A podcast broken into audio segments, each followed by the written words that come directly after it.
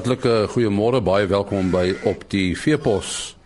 Ons gaan vanoggend uh, hoor oor veiding van professor Chris Danhauser. En dan kuier ons saam met Marika Brits by die pas afgelope Rovasa Kongres.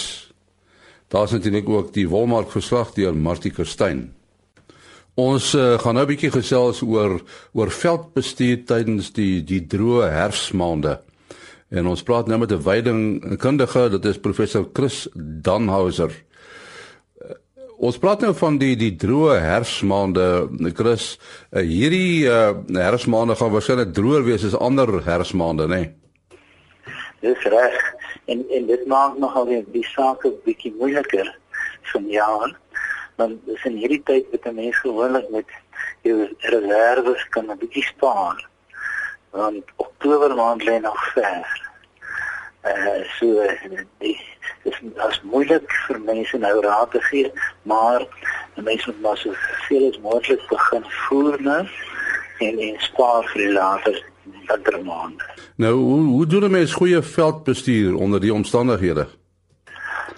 Nou, dit is weet jy die, die groot groot saak is dat jy met die regte hoeveelheid diere het uh, baie baie mense loop hulle nou vas te veel diere gehad en en dan dan het hulle mens maar probleme. Dit is die, die belangrike ding is as ons praat oor goeie veldbestuur. En dit deel ek plaas op in drie dele en uh, die een gedeelte word suiwer in die somer bewy. Die ander gedeelte uh, in in die middel winter met ander woorde is 8 maande van die jaar so die lente in die herfs gebruik hulle om die ander gedeelte te stuur. En en uh, hy gaan daai gedeelte wat jy in die herfs bestuur, hy gaan vir jou wys het het jy te veel diere of het jy genoeg die uh, voldoende diere of die voldoende weiding om jou reg deur die winter te vat. So dit is baie krities wat jy nou sien. Uh, as jy nou oorbewys kom jy baie vinnig agter. Dan weet jy gaan in die winter kom. En en watter rol speel rustydperke? Hoe belangrik is dit vir veldbestuur? Dit is ongelooflik belangrik. En, en hier praat ons oor oor twee tipe rus. Ons praat oor langtermynrus. Uh byvoorbeeld 'n volle seisoenrus en dan praat ons nou oor rus tussen wysiklusse. En uh, regtig waar ons maar in Suid-Afrika gaan, is dit bitter belangrik dat ons uh, gedeelte van die plaas elke jaar spaar die hele groei seisoen, die hele somerperiode. En en dit dit ten minste derde of 'n kwart van die plaas wees dat met 'n volle seisoen seisoen is. Kyk daai gedeelte wat wat in die volle somerseisoen gerus het kan jy nou in die winter dan aanwy. Uh, Chris, uh, hoekom is uh, is die herfst dan nou so 'n belangrike tyd vir veld vir vir vir 'n veldbestuursprogram? Dit dit, dit gaan maar oor dat uh, die die die groei wat mense gewoond is aan die somermaande is nou besig om wat drasties af te neem. En uh, dit moet mense gedagte hou want uh, jy jy is nou besig om jou jou diere te forceer om uh, gras te vreet of of, of veld te vreet wat in die winter gevreet moet word. Die ou mense het altyd gepraat van uh, Oktober maand. Dit is doodmaak maand. Want uh, in Suid-Afrika is dit nog baie min in daai stadium. So uh, dit is eintlik so dat jy in hierdie herfsmaande met so baie genoeg gaan weiding hê in daai laat winter periode. Die laat reëns wat geval het, kan dit nog help met die weiding uh, of is die groeitydperk nou al verby? Nee, nee, dit kan definitief help. Die die ouens wat wat nie oorbelaai is nie, gaan baie baie baie daarby. Dis dit is uh, een groot troos is lieflike reën wat ons plek plek het in die land en dit gaan help. Nou, ons sê baie dankie aan professor Chris Danhauser. Hy is 'n weidingkundige. En nou die Rovasa Kongres en ons kuier saam met Marika Brits uh, by die kongres. Sy het uh, heel eerste gesels met die voorsitter van Rovasa.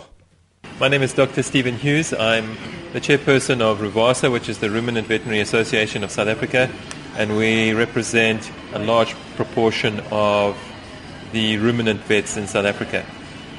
This year's theme um, the, the, of the Congress, the 2016 Congress that was held at Polokwane, was on nutrition, and it's very important that we, we have this as, as the theme. It was very appropriate considering the, the drought that is afflicting much of South Africa.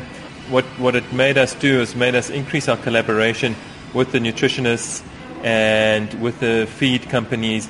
And so hopefully we're going to be building a lot more bridges between the veterinary, veterinary side and the nutrition side and working more as a team and trying to help farmers become uh, or stay more, more profitable and, and stay productive. I think the most important take home message from the Congress is, is, is collaboration with other role players in the agricultural sector and that we can't work as um, individual uh, professionals anymore. We have to collaborate with other professionals and uh, we've got to have the ultimate goal as uh, the, uh, to, towards the benefit of the farmer. And so, so I think that the take-home message here is, is, is greater collaboration and communication. Lastly, um, much was said about antibiotic resistance. Um, just reinforce our stand on that. We are, our, our stand is, is going to be to support any initiatives that look at um, trying to minimize or reduce the risks of antibiotic resistance.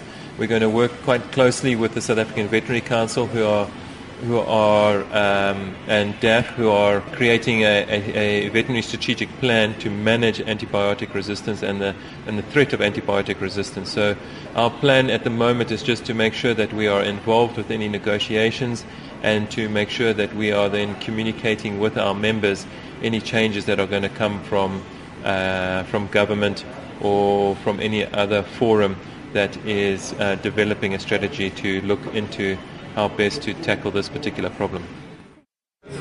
Alright, um, ek is Juby Miller, ek is van Bergville in KwaZulu-Natal.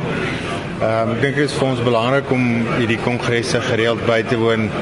Die tema vir ja, verander van jaar tot jaar, maar ek dink veral nou soos hierdie ene die saamwerk met die voedingkundiges, staatsveeartse, dis net kom net weer na vore dat ons nie op ons ons eie kan aangaan nie. Ons moet as 'n span saamwerk.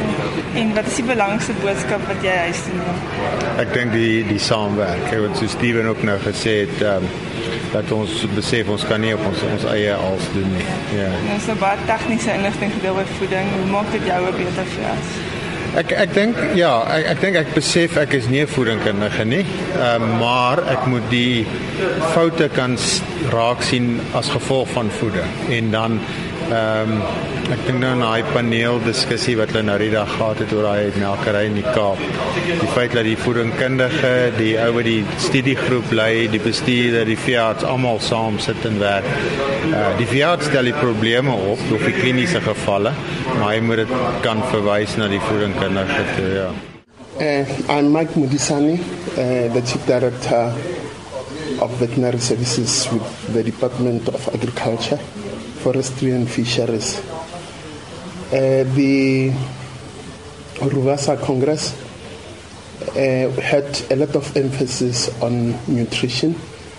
Uh, they couldn't have chosen any worse topic uh, because of the current drought that our farmers are experiencing. There were a lot of tips related to how to plan and how to avoid a disaster.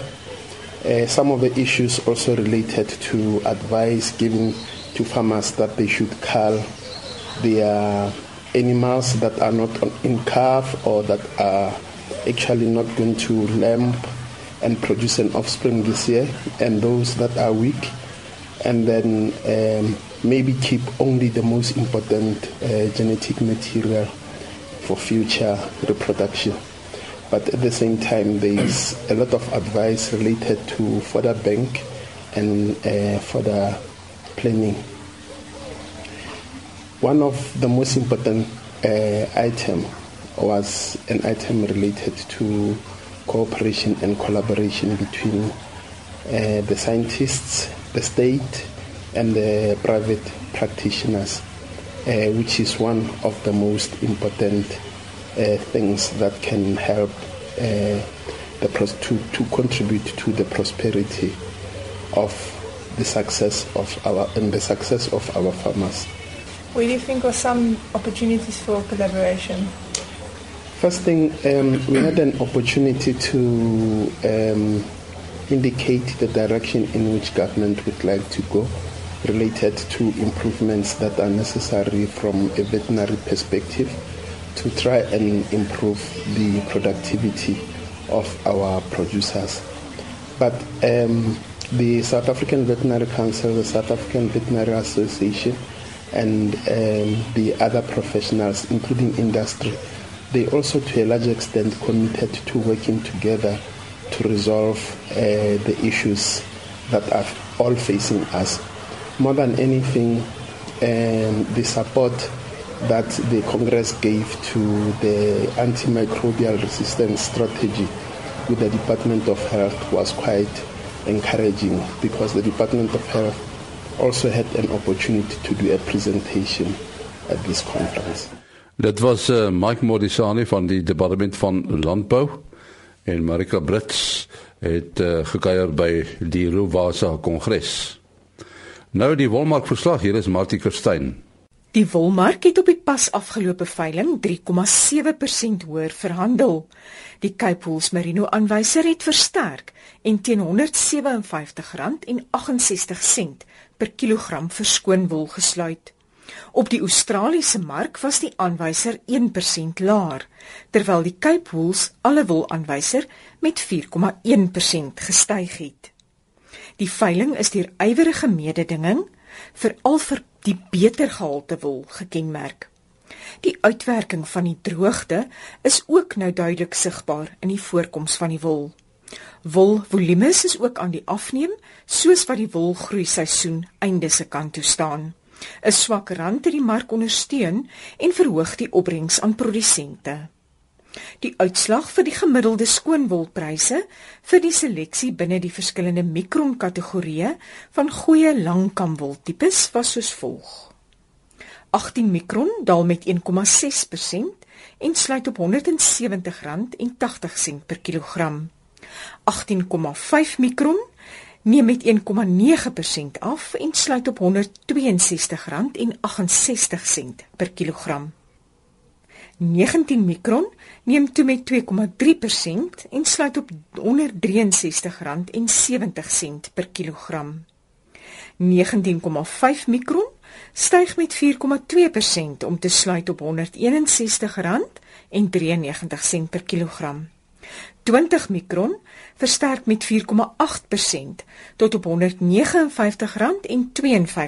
per kilogram. 20,5 mikron styg met 3,3% tot op R158,46 per kilogram. 21 mikron neem toe met 2,9% en sluit op R157,96 per kilogram. 21,5 mikron styg met 3,1% tot op R157,70 per kilogram. En laastens 22 mikron neem toe met 2,1% en sluit op R159,42 per kilogram.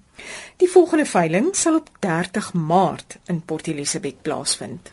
Dit was Martie Kerstyn en die wolmark verslag. Môreoggend is ons terug. Tot dan, mooi loop. Ah.